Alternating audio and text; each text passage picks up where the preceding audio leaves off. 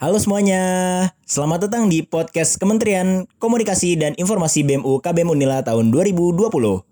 Ya, perkenalkan nama gue Muhammad Dava Zikrila, gue adalah staf ahli Kementerian Komunikasi dan Informasi BMU KBM Unila 2020. Di podcast ini kita akan membahas tentang hal-hal apa saja yang berkaitan dengan komunikasi dan informasi. Dan topik pertama yang akan kita bahas di podcast ini adalah membangun relasi. Nah, untuk itu kita udah kedatangan narasumber yang wow gitu nih, berkompeten yaitu Menteri Komunikasi dan Informasi BEM UKBM Unila tahun 2020 yaitu Kakak Muhammad Amin. Oke, halo Kak Amin, apa kabar Kak? Halo semuanya teman-teman podcaster BEM Unila. Nah, bagaimana Kak kabar baik? Alhamdulillah kabar baik. Alhamdulillah. Oke, sebelumnya gue mau perkenalin dulu nih ke penonton siapa sih sebenarnya Kak Amin ini. Jadi Kak Amin ini sekarang sedang berstudi di Fakultas Ilmu Sosial dan Ilmu Politik Universitas Lampung tahun 2016 yaitu prodinya Ilmu Komunikasi. Dan riwayat-riwayat organisasinya beliau pernah menjabat menjadi Ketua Umum Ikatan Mahasiswa Ilmu Komunikasi Indonesia atau IMIKI Regional Lampung tahun 2019 pernah menjadi Social Media Manager di Himpunan Mahasiswa Jurusan Ilmu Komunikasi Universitas Lampung tahun 2018 Kepala Divisi Publikasi di BEM UKBM Unila tahun 2018, pernah menjadi CSR di PLN Persero, dan pernah menjadi Social Media Supervisor di Badan Pengelola Usaha Universitas Lampung. Oke. Nah, sebelum kita membahas tentang membangun relasi, kita harus tahu dulu nih, membangun relasi itu apa sih sebenarnya Amin? Relasi atau yang akrab disebut hubungan ya. Jadi relasi itu yang di mana kita itu seni membangun sebuah ikatan kepada orang lain. Karena gini hakikatnya manusia tuh nggak bisa hidup sendiri. Manusia tuh malu sosial yang di mana emang harus berkelompok minimal satu atau bisa lebih. Nah jadi relasi ini gimana kamu tuh membangun sebuah ikatan yang sifatnya tuh mendukung kebutuhan kamu atau tujuan kamu atau mencari keuntungan gitu. Gitu nih membangun relasi jadi sebenarnya relasi ini adalah hubungan sosial antar manusia ya kak? Ya bisa dibilang kayak gitu. Karena manusia tuh pada hakikatnya nggak bisa sendirian. Tetap membutuhkan bantuan orang lain. Oleh karena itu kenapa makanya membangun relasi itu ada ilmunya gitu. Oke kak. Nah pasti ada dong tahap-tahap di mana kita harus membangun relasi ke orang-orang. Itu tahapnya apa aja sih kak kira-kira? Ada beberapa tahap ya dalam membangun relasi itu. Pertama first impression. Apa sih first impression itu? First impression itu yang di mana kesan pertama orang lain itu ngelihat kamu. Misal, gimana cara kamu berbicara, gimana bahasa tubuh kamu, gimana tata cara kamu berpakaian, itu kayak attitude kamu. Attitude itu lebih kayak kesopanan kamu.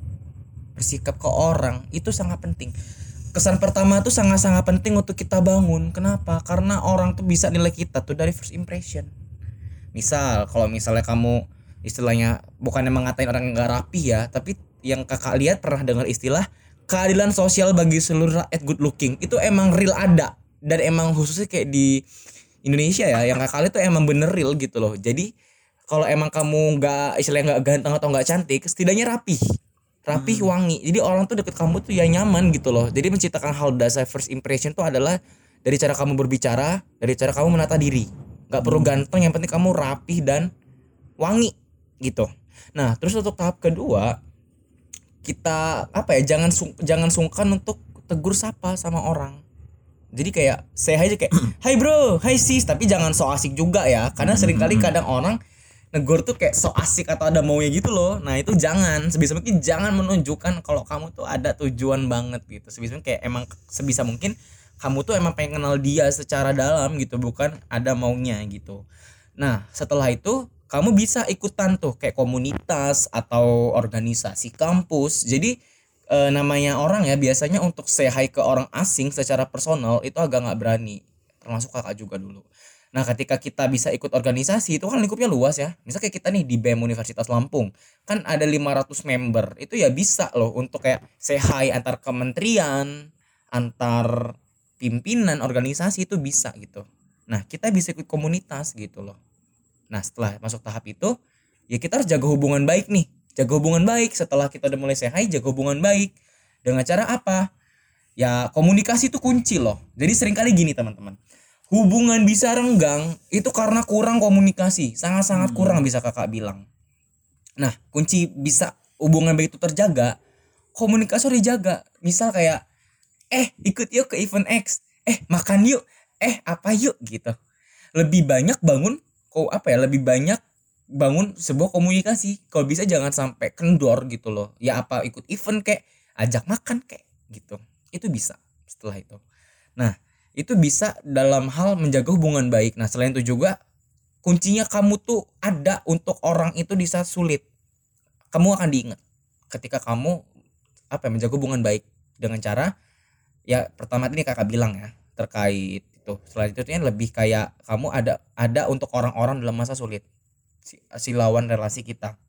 Nah, setelah itu kita bisa upgrade percakapan kita. Jadi gini, yang namanya dalam membangun relasi itu udah beberapa tahap ya. Ada lima tahap kalau tidak salah. Pertama, dari topik yang menurut kakak paling rendah. Bukan rendah dalam arti buruk ya, rendah tuh topik yang emang lebih basa-basi aja misal kayak terkait say hi kayak eh lo gimana kabarnya bro eh gimana lo gitu gitu dong kan lebih kayak sekedar kenal aja ya Nah, terus ada tahap kedua itu tahap percakapannya sudah membangun sebuah percakapan terkait informasi atau data. Misal kayak sharing terkait hobi, misal kakak hobinya sukanya ngerekam gambar gitu ya sharing kayak eh gimana nih gua pakai kamera Lumix, pakai kamera Sony A6000 gitu kan. Itu terkait pekerjaan ya atau hobi kamu itu di tahap kedua. Nah, untuk tahap ketiga kita ada yang namanya itu eh, tahap sharingnya terkait meminta sebuah pendapat atau pandangan terkait isu-isu terkini. Misal kayak terkait politik, gimana nih situasi politik di Indonesia pasca Covid? Misal, gimana nih terkait di Lampung nih isu terkait apa-apa-apa itu di tahap ke tiga ya hmm. bisa. Nah untuk tahap keempat itu percakapan yang biasanya berkaitan dengan perasaan. Tapi perasaan di sini jangan diartikan sebagai cinta-cinta gitu ya, yeah. bukan tahap 4 ini lebih kayak misal nih kayak eh uh, saya kayak Dava risau ceritanya ke kakak kayak ih kak aku tuh lihat ini ini kok bete ya kak gitu itu kan tahap keempat ya hmm. perasaan nah ada tahap yang paling tinggi dalam strata sebuah percakapan hmm. yaitu udah membahas yang hal yang bisa dibilang intim intim dalam arti pembahasannya terkait privasi kamu misal hmm. terkait keluarga terkait masa depan kan istilahnya masa depan tuh nggak semua bisa dibagi ke orang ya hmm. nah jadi udah tahap tertinggi tuh ketika kamu bisa ngebahas hal apa pun dari lima tahap itu kamu bisa ngebahas ke orang itu yang tahap paling tinggi tahap lima yang mau bahas terkait keluarga kamu privasi privasi yang mungkin kamu kayak aib lah ya bisa dibagi ke orang tersebut gitu.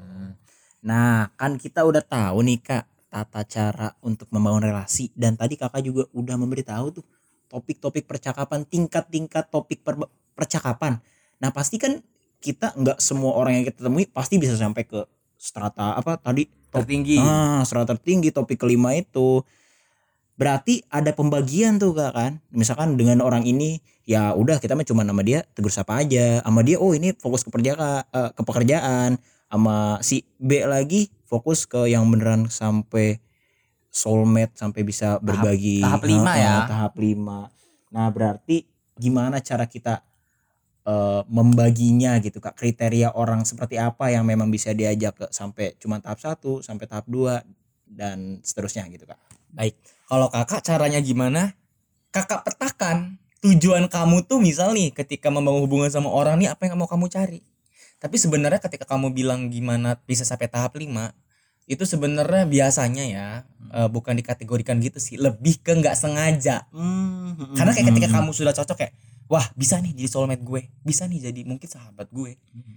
sebenarnya itu lebih kayak hal yang nggak nggak pernah di apa ya nggak terencana ya. uh -uh, tapi sebenarnya bisa sih direncanain kalau emang kamu merasa sama dia klik dan dia klik ke kamu ya bisa. Dan sebenarnya bagi kakak ketika kamu mau nyampe tahap 5 ya kuncinya tuh satu sih. Kemampuan mendengar kamu. Karena orang tuh sering kali banyaknya tuh banyak omong tapi nggak mau dengar nah ketika kamu ketika kita berada di lingkup mayoritas yang orang suka ngomong jadilah kita yang paling beda. Jadilah kita yang suka mendengar. Maka kamu akan bisa dipercaya banyak orang. Meskipun kamu sama mereka nggak percaya gitu. Mhm. bisa banget itu. Ah, jadi tapi tadi untuk petanya sendiri tuh gimana nih nah kakak? untuk memetakannya itu kalau kakak ya lebih kayak misal nih kayak kakak di tempat magang kakak ya dibagi per klasternya loh. Jadi eh, misalnya tahap eh, misalnya orang nih oh cuma nyampe tahap misalnya tahap dua. Ya udah sampai situ aja. Topiknya nggak akan mengulur ke mana-mana. Karena kalau kakak biasanya untuk terkait topik pembahasan tuh banyak terus sih. Maksudnya jarang jarang jeda sih kalau kakak ngobrol sama orang ya. Jadi mau tahap mau tahap satu mau tahap dua mau tahap lima pun biasanya kakak kalau ngobrol sama orang tetap lama gitu. Dan emang tak bagi per klaster jadi eh, misalnya kayak di BEM nih BEM cuma nyampe tahap tiga misal terkait opini atau pandangan-pandangan terkait isu-isu. Ya udah ketika kita ketemu pembahasannya nggak akan melebar ke mana-mana. Dari kita sendiri ya. Kalau dari lawan bicara kita mau sampai tahap 5 ya sok atuh silahkan. Tapi dari kita tetap kayak ya lu batasnya segini kita yang membuat batasan. Gitu. Jadi kita yang harus buat batasan. Misalnya kayak kak- eh, kayak kakak mau eh, bangun relasi sama lembaga X. Tahap 2 aja nggak lebih. Topiknya pun nggak mungkin lebih dari tahap 2 gitu. Karena konteks kita kerjaan aja dong. Kan ada sih istilah yang meeting bahas kerjaan. Mana ada kan orang meeting sambil curhatan nggak mungkin banget. Iya iya. Oke oke. Nah eh, berarti yang aku tangkap nih kak, kita tuh pasti saat kita mau naik ke tahap itu, misalnya kita mau naik tahap itu berarti kita mempercayakan sesuatu namanya kita naik level ya, berarti kita oh percaya nih sama dia kayaknya bisa nih diajak ngomong ini. Dan memang mungkin yang kira-kira menghambat kakak untuk misalkan nama orang ini, oh kayaknya nggak bisa bahas politik tuh apa aja tuh kak? Nah, kalau kakak yang istilahnya bikin ngehambat untuk bisa naik level ya. Kalau kakak tuh tipikal riset dulu sih sebelum kenal orang. Jadi kayak kakak nih ketemu misalnya orang gitu ya. Kalau kakak jujur sebenarnya bukan tipikal orang yang bisa ketemu tuh mendadak. Kalau sama kenalan atau relasi ya. Karena kakak biasanya ketika ketemu orang itu cek medsosnya dulu. Kita lihat dulu nih, oh orang ini tertarik misal di bidang eh, sinematografi, di bidang video atau mungkin di bidang fotografi. Nah, ketika kita sudah tahu topiknya apa, ya kita bisa kembangin di situ. Eh lo, lo waktu di video lo pernah video apa lo wedding apa video apa? Eh gimana nih lo di fotografi? Bisa nggak foto still life gitu? Jadi kan ketika kita ketemu tuh obrolannya nggak kosong gitu loh. Jadi orang tuh mau ngobrol sama kita kayak nagih. Ayo kita ngobrol lagi, temu lagi karena kita udah bisa untuk eh, mencari celahnya terkait apa yang dia suka.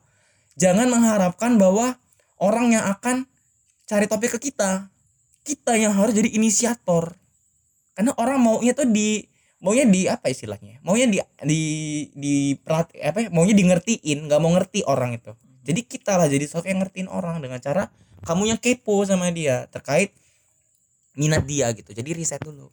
Hmm, bener banget sih kak emang. Udah aku juga udah ngerasain tuh kak gimana perbedaan saat ketemu orang dan kita sudah riset terlebih dahulu ya memang obrolan tuh bener-bener bisa memanjang gitu ya kak bisa sangat melebar. Oke nah aku mau nanya nih kakak pernah nggak sih ada masalah saat membangun relasi? Pernah. Jadi gini eh, kunci dari kamu membangun relasi itu yang penting tuh attitude. Nah yang tak lihat itu beberapa orang. Kita nih banyak orang pinter di khususnya di Lampung ya kita banyak orang pinter tapi yang beradab itu nggak semua ternyata. Nah kalau yang paling penting itu adab sih sebenarnya. Karena gini eh skill itu bisa bikin kamu naik ke atas. Tapi yang bikin bertahan adalah attitude etika kamu. Percuma mau sepintar apa pun kalau etika kita nol.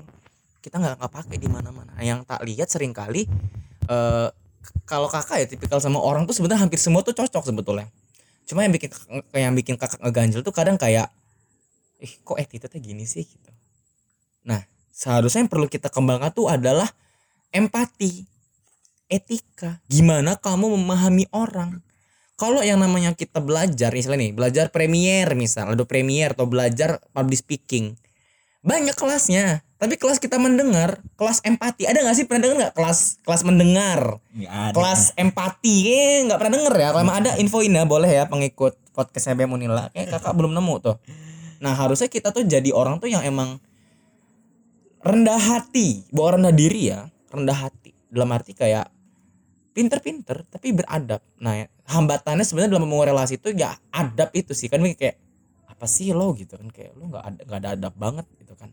Kayak, nggak ada adab tuh misalnya kayak sama orang biasanya kayak cengangas cengenges sama orang remehin kan itu nggak boleh ya. Kayak ketika kamu bangun relasi cengengesan udah nggak ada harga diri.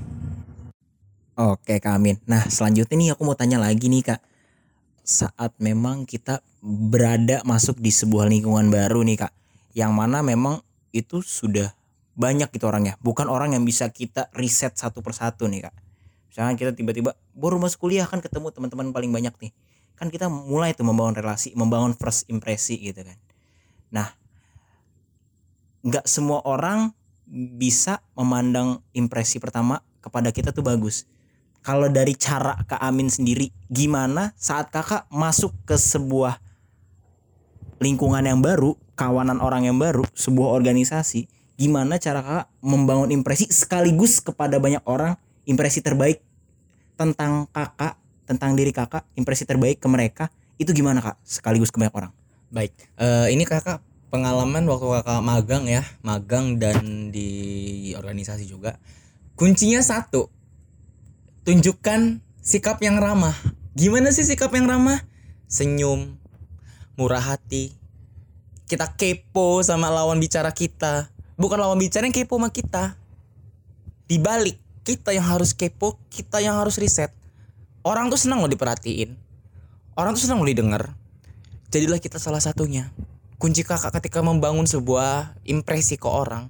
Tunjukkan sikap ramah kita sikap sayang kita sikap sayang itu nggak melulu sama pacar kamu pacar kalian pada podcast podcast yang mendengarin nggak. Tunjukkan rasa tulus kamu tuh ke semua orang dengan adil. Kayak ada gua loh buat lo gitu. Gitu. Dan bagi kakak untuk membangun ke semua ya dengan cara itu. Senyum salam sapa. Seringkali kita melihat 3S itu ya. Sebenarnya itu ketika kita implementasikan itu bisa ngebangun citra diri kita yang baik tapi sering kali orang tuh cuma jadi pajangan doang 3S itu salam senyum sapa. Orang sering kali pengennya orang harus tahu gua orang harus kepo sama gua. Sebenarnya kayak gitu tuh bikin kita nggak punya temen cuy. Ketika kita yang justru kepo sama orang orang tuh senang dikepoin. Ih gila sih orang ini kok sama gua seperhatian ini. Ih kok orang ini peduli banget sih. Jadi orang tuh sama kita nyaman. Kayak oh orang ini bisa nih jadi rumah buat gue. Bahkan ya gitu Hmm, tapi sebenarnya ada hal yang menarik nih kak. Pas eh, aku pertama kali kenal sama kakak, mungkin memang pas kita kenal pas itu kondisi lagi pandemi, kita nggak bisa ketemu pas itu dari anak kominfo aja nggak bisa ketemu bareng-bareng, langsung ketemu dengan menterinya yaitu kakak, nggak bisa ngomong bareng-bareng. Tapi ada hal unik yang aku pelajari dari kakak, kakak itu berusaha eh berusaha membangun relasi satu persatu ke mereka semua kenapa kakak memilih metode itu? Kenapa kakak nggak minta kayak kita ngezoom aja yuk bareng-bareng? Kenapa kakak memilih malah untuk nelpon satu-satu staff dari Kominfo untuk kenalan sama mereka, untuk membangun hubungan sama mereka? Kenapa cara itu yang kakak pilih? pendekatan yang ideal adalah satu-satu dari waktu kakak magang pun ya ketika kakak sama pegawai-pegawai itu mana ada kayak Wih mbak bro nggak lebih kayak satu-satu mbak apa nih yang bisa diselesaikan begitu pun bagi kakak karena hubungan yang berkualitas itu nggak lebih dari tiga. Apa pun itu. Jadi kayak ketika kita di organisasi kita kan bakal jadi kerja bakal jadi tim kerja ya bukan saya bos kamu bawahan nah mindset rata-rata orang tuh sering kali kayak udahlah ngegrup aja efisien. Bagi kakak ketika kamu membangun sebuah tim kerja pendekatan tuh satu-satu cuy. Beda orang beda kepala. Kita kayak di BEM nih ya di Kominfo 29 anggota. Isi kepala beda kayak kakak pun mungkin sama mbak sama pimpinan Kominfo tiga orang tuh juga beda isi kepalanya. Pendekatannya tetap satu-satu. Karena kayak gini perbedaannya ya waktu kakak ketika pernah di organisasi sebelum BEM ya gak usah geng kakak dulu di BEM lah circle kakak dulu sebelum jadi menteri. Jadi eh, ketika rame-rame pembahasannya tuh kayak ngalor ngidul nggak jelas gitu loh. Kayak apa sih ini? Kayak nggak berkualitas banget ya. Maksudnya nggak berkualitas bukan berarti harus bahas politik atau hukum. Maksudnya lebih kayak keseharian tahap tahap tiga lah ya bisa dibilang tadi ya dalam relasi ya. Nah ketika kita ngobrol cuma berdua itu kan istilahnya nggak ada orang ketiga kan. Jadi eh, bagi kakak ketika kita membangun sebuah kepercayaan sama orang itu harus satu-satu cuy kayak ketika kamu membahas topik apa pun tuh kan istilahnya nggak ada orang ketiga kan jadi mau bicara apa pun ya aman. Nah pengalaman kakak kemarin ketika nggak cuma di BEM ya ketika di luar pun ketika kakak bangun hubungan sama orang satu persatu itu topiknya nggak cukup sejam. Banyak bahkan kayak beberapa ya. Jadi kakak tuh pernah cerita waktu itu random eh, di DM Instagram jadi ini supporter bola. Dia tuh bisa mengondisikan orang banyak gitu loh kayak ayo lo dukung Badai Lampung misalnya. Hmm. nah kayak kepikiran nggak sih kamu ketemu stranger orang nggak kenal dan itu kakak nekat berani ketemu? Kenapa? Karena yang bisa kakak pelajari adalah gimana cara dia itu mempengaruhi orang. Dan dia ke kakak pun lebih kayak apa ya dia tuh cerita terkait masalah-masalah dia. Kakak juga bingung ya kayak kok dia berani ya cerita sama kakak gitu loh. Padahal kayak stranger modal ketemu kayak nggak tahu dari DM Instagram random banget itu pertemuan. Tau tuh kayak udah ngobrol banyak hal tuh udah bisa dibilang tahap 4 dia ke kakak sih kalau kakak mungkin masih tahap 3 lah ya terkait sharing terkait apa namanya gimana dia bisa mempengaruhi orang banyak gitu. Dan ternyata malah yang tak lihat justru orang-orang yang kayak gitu tuh malah yang masalahnya pelik gitu loh. Orang yang bisa mempengaruhi orang ternyata lebih banyak masalah sebetulnya.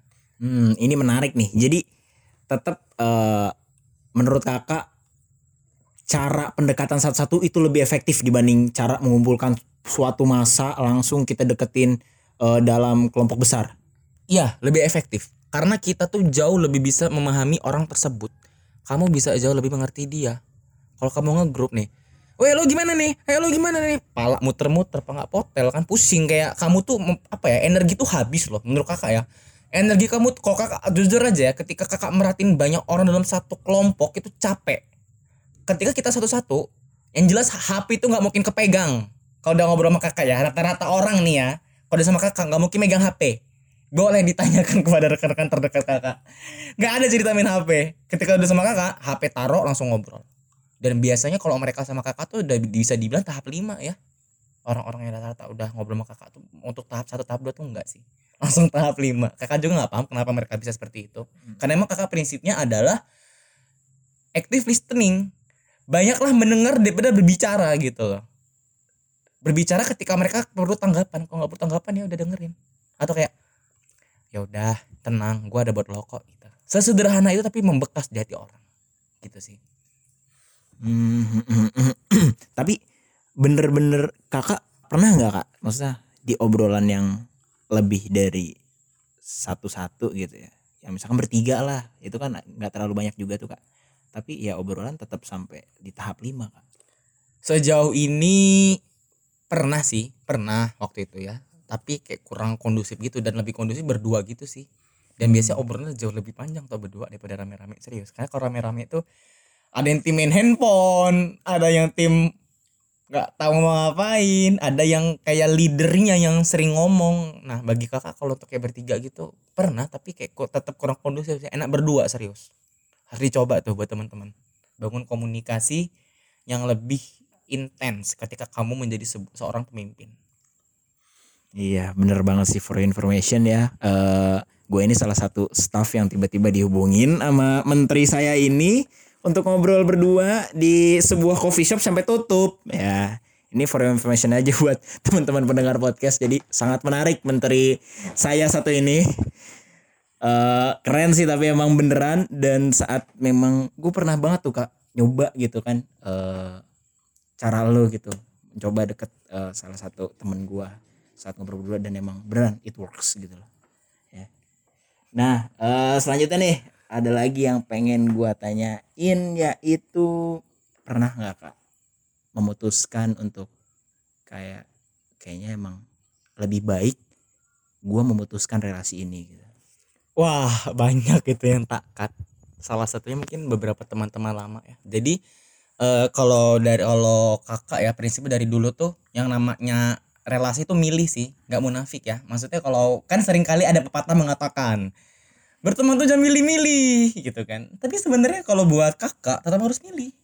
Karena gini, kayak ketika apa ya? Kalau bagi kakak eh, quality over quantity, tetap utamakan kualitas karena buat apa kayak kita punya relasi atau mungkin teman banyak ketika topik yang dibahas kayak apa sih kayak nggak berkualitas. Nggak berkualitas bukan berarti kayak harus ngebahas politik dan hukum ya. Misal nih kayak cuman gosip doang ya. Kakak juga kadang suka gosip lah nggak munafik. Cuma maksudnya balance loh. Misal kayak ketika kita ada masalah saling mendukung.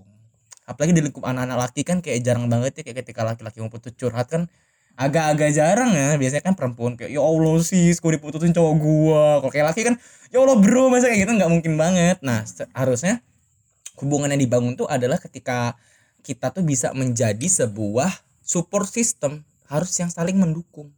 Nggak perlu banyak seenggaknya satu. Nah ketika kakak waktu itu ngekat ya itu teman lama kakak ada. Nah kakak ngekatnya dengan cara apa? Dulu ya following IG kakak itu sampai 1100 sekarang sisa 700 tebak udah berapa ratus orang yang terdekatin karena bagi kakak kualitas itu lebih penting. Kalau kamu bicara ini sih kak temennya milih-milih. Kalau kakak sekarang di umur sekarang kita fokus tuh relasi itu yang menguntungkan. Bukan cuma sekedar kayak nongkrong-nongkrong nggak jelas. Kita tuh udah dewasa kita udah nggak butuh yang lama. Kalau kakak ya udah nggak butuh namanya kayak nongkrong hahehe cari tempat yang emang kamu tuh bisa didukung dan dihargai. Dan kalau emang untuk si- relasi yang menguntungkan cari yang bisa kamu ambil value-nya. Misal kayak kakak waktu itu ketemu stranger yang dia supporter bola yang bisa mempengaruhi orang banyak kayak ayo ayo ayo. Or- kayak orator lah ya kalau di BEM mungkin ya. Nah itu loh yang kita cari relasi itu. Orang-orang kayak gitu ya yang harus emang kita kenal. Jadi eh tapi pernah nggak kakak ada relasi yang memang kayak kayaknya nggak terlalu banyak gitu value atau nilai secara yang eksplisit terlihat gitu? Kayak ini orang nggak pernah ngasih gua kerjaan? Enggak kayak ya dia orang hebat juga enggak tapi kakak tetap pertahankan gitu relasi sama dia hubungan sama dia. Dan apa sebabnya? Baik. Eh kakak ada tuh eh awalnya dari relasi doang ya. Kayak pertemuannya nggak disangka-sangka gitu. Kayak dia tuh kalau nggak salah dia tuh eh, bergerak di industri kreatif. Sebenarnya kita tuh beda beda apa ya? Tatar udah ada berisik sabar. Sebenarnya kita tuh beda ranah gitu loh. Dia bergerak di sektor videografi kakak di sektor lebih ke public speaking PR gitu kan kayak jauh banget ya. Nah kenapa kakak pertahankan? Value itu nggak melulu soal skill gak melulu soal apa ya jabatan kekayaan tapi di mana kamu tuh bisa aman loh. Ya tahap lima mungkin ya bisa dibilang ya relasinya ya. Yang ketika kamu tuh bisa menjadi diri kamu sendiri. Kan kalau relasi kamu nggak bisa dong jadi diri kamu sendiri harus jaim. Nah kenapa kakak pertahankan? Karena istilahnya ya gitu loh dibagi per tahap ada yang emang relasi untuk sekedar menambah nilai diri ada yang emang relasi yang menjadikan dia tuh sebuah support system buat kamu gitu loh ketika kamu ambruk kamu jatuh ya kamu pulang ke sana pulang ke rumah itu ke relasi itu gitu Oke, Kak Amin gak kerasa nih. Kita udah 30 menit ngobrol. Kira-kira nih Kak, setelah perbincangan kita selama 30 menit ini udah banyak nih eh, hal-hal yang gue pelajarin nih Kak. Any last word you wanna say to our listener? Da- jadi mau jelasin ulang kayak apa aja saran-saran atau apa pun kepada teman-teman kita yang mau belajar membangun relasi ini kan. baik untuk teman-teman semua jangan pernah ngerasa minder sebenarnya manusia itu sama aja derajatnya di mata Tuhan. Dalam arti kayak misalnya kamu kayak aduh gua gendut gua kurus gua gua nggak kaya gua nggak ini. Sebenarnya mindset itu loh yang ngebangun aura kamu gitu loh. Kalau au- kalau kamu nggak mencintai diri kamu kayak aduh gua ada kill gua nggak gua bau misalnya. Sebenarnya kayak gitu dirubah cuy. Dengan cara jaga pola makan kamu memakai parfum istilahnya ya. Jadi jangan minder duluan karena sebenarnya paling penting itu aura. Aura tuh kayak nggak apa ya aura tuh nggak berbentuk fisik tapi orang merasakan kayak nyaman gak sih sama kamu gitu. Kan orang tuh ada kayak ekspresi yang nggak nyaman tuh kan kayak kita risih juga ya deket orang kayak gitu kan. Nah sebisa mungkin kamu mulai gitu kayak jangan minder gitu loh. Sebenarnya manusia, manusia itu sama aja kok. Nggak ada yang nggak ada yang apa ya nggak ada yang kayak lebih tinggi nggak juga. Kita yang harus bisa ngolah diri kita kita harus bisa mencintai diri sendiri dengan cara membangun impresi yang baik. Misal yang rapi wewangian tata bahasamu tata bicaramu. Kalau karena kata hadis itu kalau nggak salah ya adab kobra ilmu. Adab dulu baru ilmu jangan dibalik. Karena orang beradab udah pasti berilmu. Orang berilmu berilmu belum tentu beradab. Nah selain itu eh, ketika kamu membangun sebuah relasi ya jaga hubungan baiknya dengan cara ya sering komunikasi kayak yuk makan yuk yuk nonton yuk yuk apa yuk yuk yuk eh, yuk, yuk aja gitu Jadi sebisa mungkin tetap dijaga komunikasi jangan sampai putus. Karena biasanya eh, yang dekat jadi asing karena komunikasi yang kurang gitu. Nah selain itu ketika membangun sebuah percakapan yang ada lima tahap tadi ya kamu sesuaikan aja kamu sama si lawan bicara mau sampai tahap mana gitu loh kalau kakak sih gitu jadi eh, kalau emang sama si X mau sampai tahap sekedar bahas isu atau sama si X bahas sampai tahap pribadi ya udah gitu kita bagi per cluster nah terakhir perbanyaklah mendengar daripada berbicara Hmm, hmm. Sering kalian tak lihat banyak orang tuh kebanyakan omong tapi disuruh ngedenger nggak semua orang bisa. Dan ketika kakak mencoba untuk suara apa ya menjadi seorang pendengar, alhamdulillah kayak orang-orang ternyata sama kakak tuh bisa percaya gitu kayak wow kayak lo bisa ya membagikan hal yang gue pun mikir tuh bagi ke orang gitu tapi oh, dia bisa gitu. Nah kuncinya ketika kamu ingin dipercaya banyak orang, banyaklah mendengar daripada berbicara. Banyaklah peduli, banyaklah menunjukkan kasih dan cinta kamu kepada sesama manusia. Bukan sekedar pacar kamu aja, kasih dan cinta. Itu kunci ketentraman hidup manusia sih, gitu. Wow. Gila gila gila. Keren banget nih untuk hari ini obrolan dengan Kak Amin nih. Oke, makasih banget Kak sudah menyempatkan waktunya untuk hadir di podcast ini. Semoga ilmu-ilmu percakapan kita yang tadi bisa bermanfaat kepada para pendengar podcast kita. Terima kasih juga kepada para pendengar yang sudah mendengarkan podcast ini sampai selesai. Di sini gua Muhammad Abbas Zikrillah. Saya Muhammad Amin. See you in the next podcast. Bye bye.